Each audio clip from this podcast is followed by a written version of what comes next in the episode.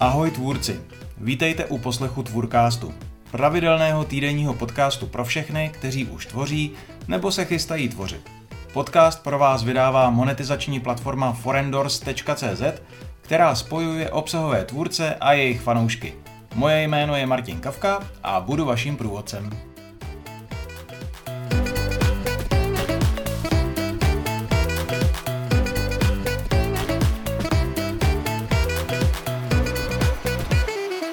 Zítra, prvního v lednu, začněte hned. Tenhle díl Tvůrkástu je zadarmo pro všechny posluchače. Pokud byste chtěli slyšet všechny díly, můžete. Třeba v tom minulém jsem mluvil o neférové výhodě vašeho obsahového projektu. Co to je, jak ji najít a využít. Minulý díl si můžete poslechnout buď za malý jednorázový poplatek, nebo si můžete rovnou pořídit měsíční předplatné. To stojí 99 korun a otevře se vám díky němu přístup nejen ke všem epizodám pro předplatitele, ale taky budete moci do naší online komunity obsahových tvůrců. Je nás tam už pár desítek a určitě tam najdete spoustu inspirace. Všechny informace jsou na www.tvůrcast.cz. A teď už k tématu tohoto dílu. Kdy začít obsahový projekt? Seth Godin v knize Kopni do té bedny, která je manifestem toho, jak se do něčeho pustit a uvést do života projekty ze šuplíku, poznamenává. Brzy je docela dobré, ale hned je ještě lepší. Dodává, že iniciativa je druh kapitálu a možná ten vůbec nejdůležitější kapitál, který v současnosti potřebujete. To vám dává odpověď. Začít byste měli hned. Nečekat na zítřek, na prvního v měsíci nebo třeba na leden. Proto bych vás dneska chtěl hlavně motivovat abyste jen nesnili o tom, jaké to bude, abyste nenosili dobré nápady jen ve své hlavě, abyste jen nechodili s bloky plnými poznámek. Přece už víte, co chcete dělat, tak doopravdy začněte. Většina z nás se pouští do věcí až tehdy, kdy před sebou vidí jasnou cestu. Důvod je prostý. Jako děti jsme akceptovali nejistotu, ale jako dospělí ji těžko snášíme. Vyhýbáme se jí. Proto všechny ty výmluvy, proč to ani neskusit? Nemám na to dost času. Nemám na to kvalifikaci. Nemám publikum. Nemám kontakty. Musím se ještě připravovat. A tak lidé často čekají. Jenže perský básník Rumi to před mnoha staletími napsal správně. Když uděláte první krok, cesta se objeví. Vždycky, když něco nového začínám, je ve mně malá rušička. Už jsem očpuntoval hodně projektů, ale většinou je to dost podobné. Úplně první vydání měsíčních newsletterů jsem posílal jen na pět e-mailů. Z toho jeden byl můj, další dva byly mé ženy a mámy, k tomu dva kamarádi. A přesto jsem měl obavy. I proto se první vydání posunulo o dva měsíce. Věděl jsem, že se vydávám na cestu, ale neměl jsem tušení, jaká bude. S Tvůrkástem to bylo naštěstí jiné. Upekli jsme ho s Denesou Hrubešovou z Forendors tak rychle, že jsem ani neměl čas se rozkoukat a přemýšlet o tom, jestli to zvládnu. Na konci loňského listopadu jsme se dohodli, že hned na začátku prosince odstartujeme.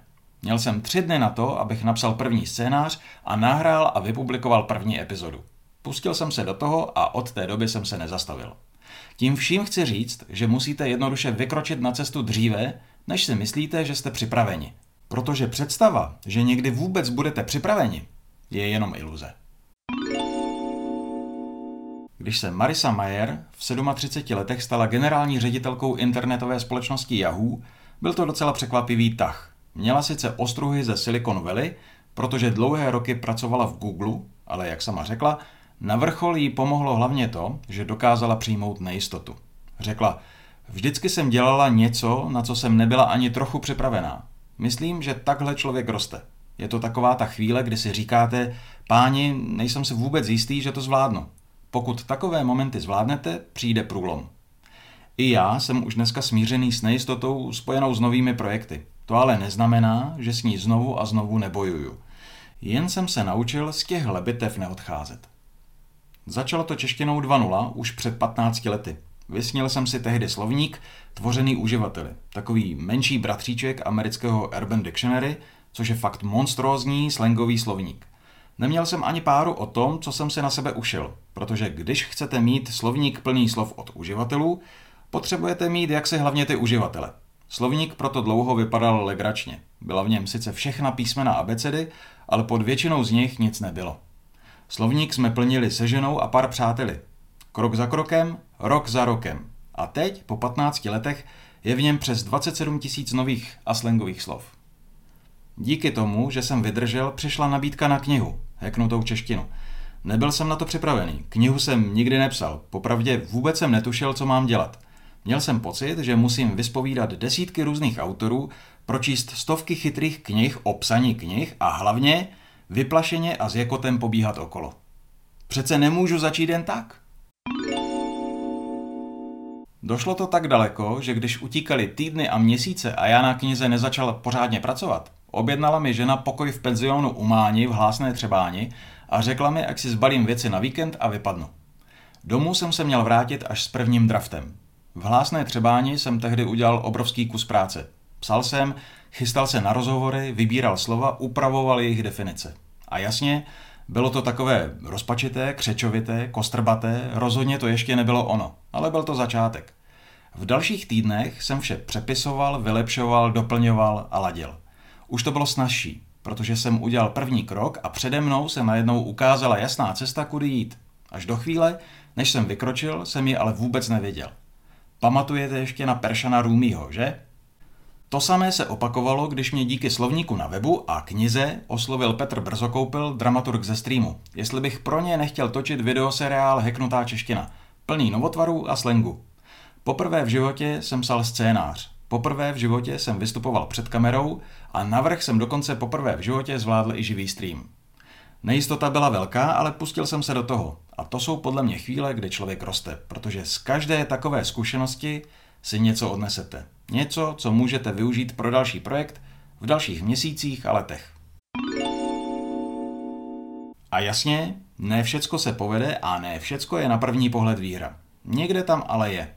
Jak píše Seth Godin v Kopni do té bedny, já sám jsem začal budovat hudební vydavatelství a neuspěl jsem. Schromažďoval jsem prostředky pro podnikání se žárovkami a bez úspěchu. Vydal jsem první a také poslední videokazety s nahrávkou Aquaria. Neúspěšně jsem publikoval řadu knih. A ta vítězná část? Z každé porážky jsem se něco naučil. Seth Godin dodává, že proto je tak těžké naučit se žonglovat. Jsme naprogramovaní hlavně k chytání, k překonávání překážek a k vyhrávání. Abychom, ať se stane cokoliv, nenechali míček spadnout, píše. Jenže když věnujete veškerý čas, energii a nasazení na chytání, dostanete sice spoustu fajn zpětné vazby na perfektní chycení míčku, ale v žonglování jako takovém zůstanete pozadu, protože házení nebude stát za nic. Jak doplňuje Seth Godin, paradoxně platí, že když se budete zlepšovat v házení, chytání přijde samo. A jediný způsob, jak se zlepšit v házení, je házet. Hodit špatně, házet znovu a znovu. Hodit dobře, hodit znovu. Nejdřív se naučte házet. A já dodávám, že je důležité zvyknout se taky na to, že míčky vám budou často padat. Tak, Problém je v tom, že když budete čekat, až strach a nejistota zmizí, nikdy nic nezačnete. Ta chvíle nikdy nepřijde. Vždycky tu bude nějaká obava. Další potíž je v tom, že když nebudete nic dělat, odpor si zaleze do fitka, začne dělat kliky a notně zesílí. Váš obsahový projekt bude mezi tím hnít v šuplíku. Den za dnem bude těžší a těžší s ním začít. Jak se říká v prvním Newtonově zákonu, zákonu setrvačnosti, Těleso se trvává v klidu nebo v rovnoměrném přímočarém pohybu, dokud není nuceno vnějšími silami svůj stav změnit. Jinými slovy, pokud na těleso nepůsobíte silou a neuvedete ho do pohybu, zůstane v klidu. Jakmile ale jednou dáte věci do pohybu, už je mnohem snažší je udržovat v chodu. A to samé platí i o obsahových projektech. Podívejte, příprava je fajn, taky ji mám rád. Taky mě baví zkoumat nové věci z více stran chystat se, dělat si poznámky, načítat si spoustu věcí a těšit se na to, až to jednou vypukne. Jenže mezi přípravou a zabitím projektu je hodně tenká hranice, kterou je snadné překročit. Kdyby totiž byl úspěch postavený na schopnosti plánovat, pobíhaly by tu všude mraky úspěšných lidí. Jenže úspěch je postavený na jiné schopnosti. Jednat. Když začnete nepřipraveni, určitě nakupíte spoustu chyb, ale jak rád opakuju, Složené úročení, ten dlouhodobý efekt učení se novým věcem, vám to všechno nakonec vynahradí bohatěji než sebe delší příprava. Proč? Za prvé, na začátku nevíte, co nevíte. A nejrychlejší způsob, jak na to přijít, je takové zkušenosti jednoduše získat. Díky nim pak můžete lépe plánovat a rychleji se posouvat. Za druhé, neskončíte v pasti iluze produktivity. Občas máme pocit, že když sledujeme videa, čteme knihy, posloucháme podcasty, hledáme nejrůznější návody, je to produktivně strávený čas. Není. Možná znáte Parkinsonovy zákony. Jeden z nich říká, že úkoly se rozšiřují tak, aby zaplnili veškerý prostor, který jim přidělíte. Když takového prostoru dáte přípravě až moc, je to pak už jen iluze produktivity. Promarněný čas, záminka, jak start projektu oddálit. Za třetí, stačí rozpohybovat se trvačník. Znáte to. Jakmile poprvé šlápnete na kole do pedálů, jde to stuha a jedete pomalu. Ale jakmile šlapete aspoň chvíli, jde to mnohem s nás a jedete mnohem rychleji. A navíc ujedete taky kus cesty. A teď si představte, že místo toho pořád jen postáváte na místě a opíráte se okolo. Zkrátka, začněte hned a získejte náskok před ostatními, kteří pořád okounějí na startovní čáře a čekají, až před ně, asi někdo z hůry, postaví cíl. Takhle to nefunguje. Platí, co řekl americký básník a kritik Kenneth Goldsmith.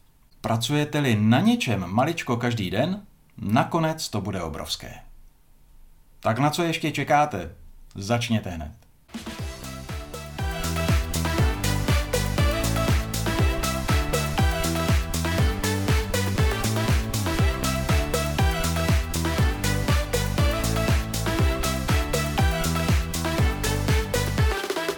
Poslouchali jste Tvůrcast od Forendors, platformy spojující obsahové tvůrce a jejich fanoušky. Pokud chcete vědět více, podívejte se na www.forendors.cz. Uslyšíme se zase za týden.